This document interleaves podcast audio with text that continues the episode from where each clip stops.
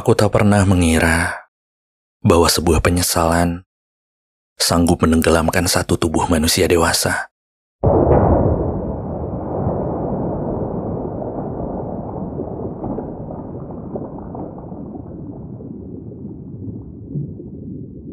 Pasti ada di antara kita yang pernah jatuh berulang kali.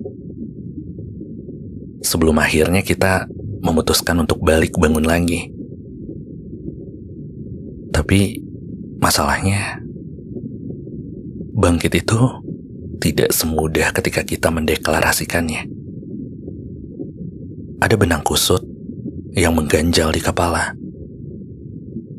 Entah itu semangat yang bisa patah tiba-tiba mimpi buruk yang tak kunjung ada jeda, atau ujaran kebencian yang menjadi polemik propaganda. Bagi siapa saja yang tidak berhasil melewatinya, niscaya ia akan merenung, murung, berkabung, seperti sedang diselimuti awan mendung.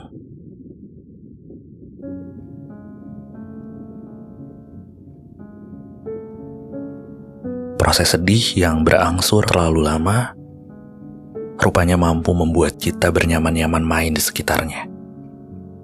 Kita merasa seperti sedang punya teman, merasa seperti dibutuhkan. Bahayanya, kita sebagai makhluk yang rapuh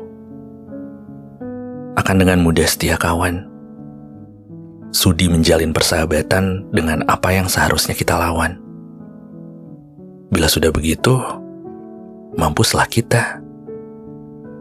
Seketika gundah berubah menjadi nyanyian yang menyenyakan. Irama pilu bersendawa di setiap masing-masing relung kita. Sesekali kita akan terbahak-bahak dibuatnya. Lalu ajaibnya, kita akan merasa hebat karena sudah menjadi manusia tersial di dunia. Menyombongkannya pada halayak, bahwa sayu yang kita punya adalah harta karun yang tak ternilai harganya. Di waktu-waktu yang kronis, kita menangis, mengeluh, hingga tanpa kita sadari, air mata yang sudah tumpah begitu banyaknya, lambat laun berubah.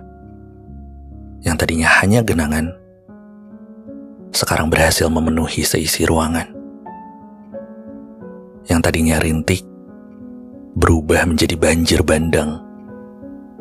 Sampai kita melihat, rupanya kaki kita sudah tidak lagi menopang. Setelah terombang-ambing begitu timpang, lantas barulah kita sadar, oh, ternyata efek samping dari yang namanya kecewa, rupanya terasa begitu garang ya. Kita seperti diperkosa lautan dengan ombak pasangnya yang menerjang. Kita akan dibuat basah sebasah-basahnya. Dan yang tersisa hanya akan ada raga kita yang mengambang. Kosong. Dan ketika kita sudah lelah berenang,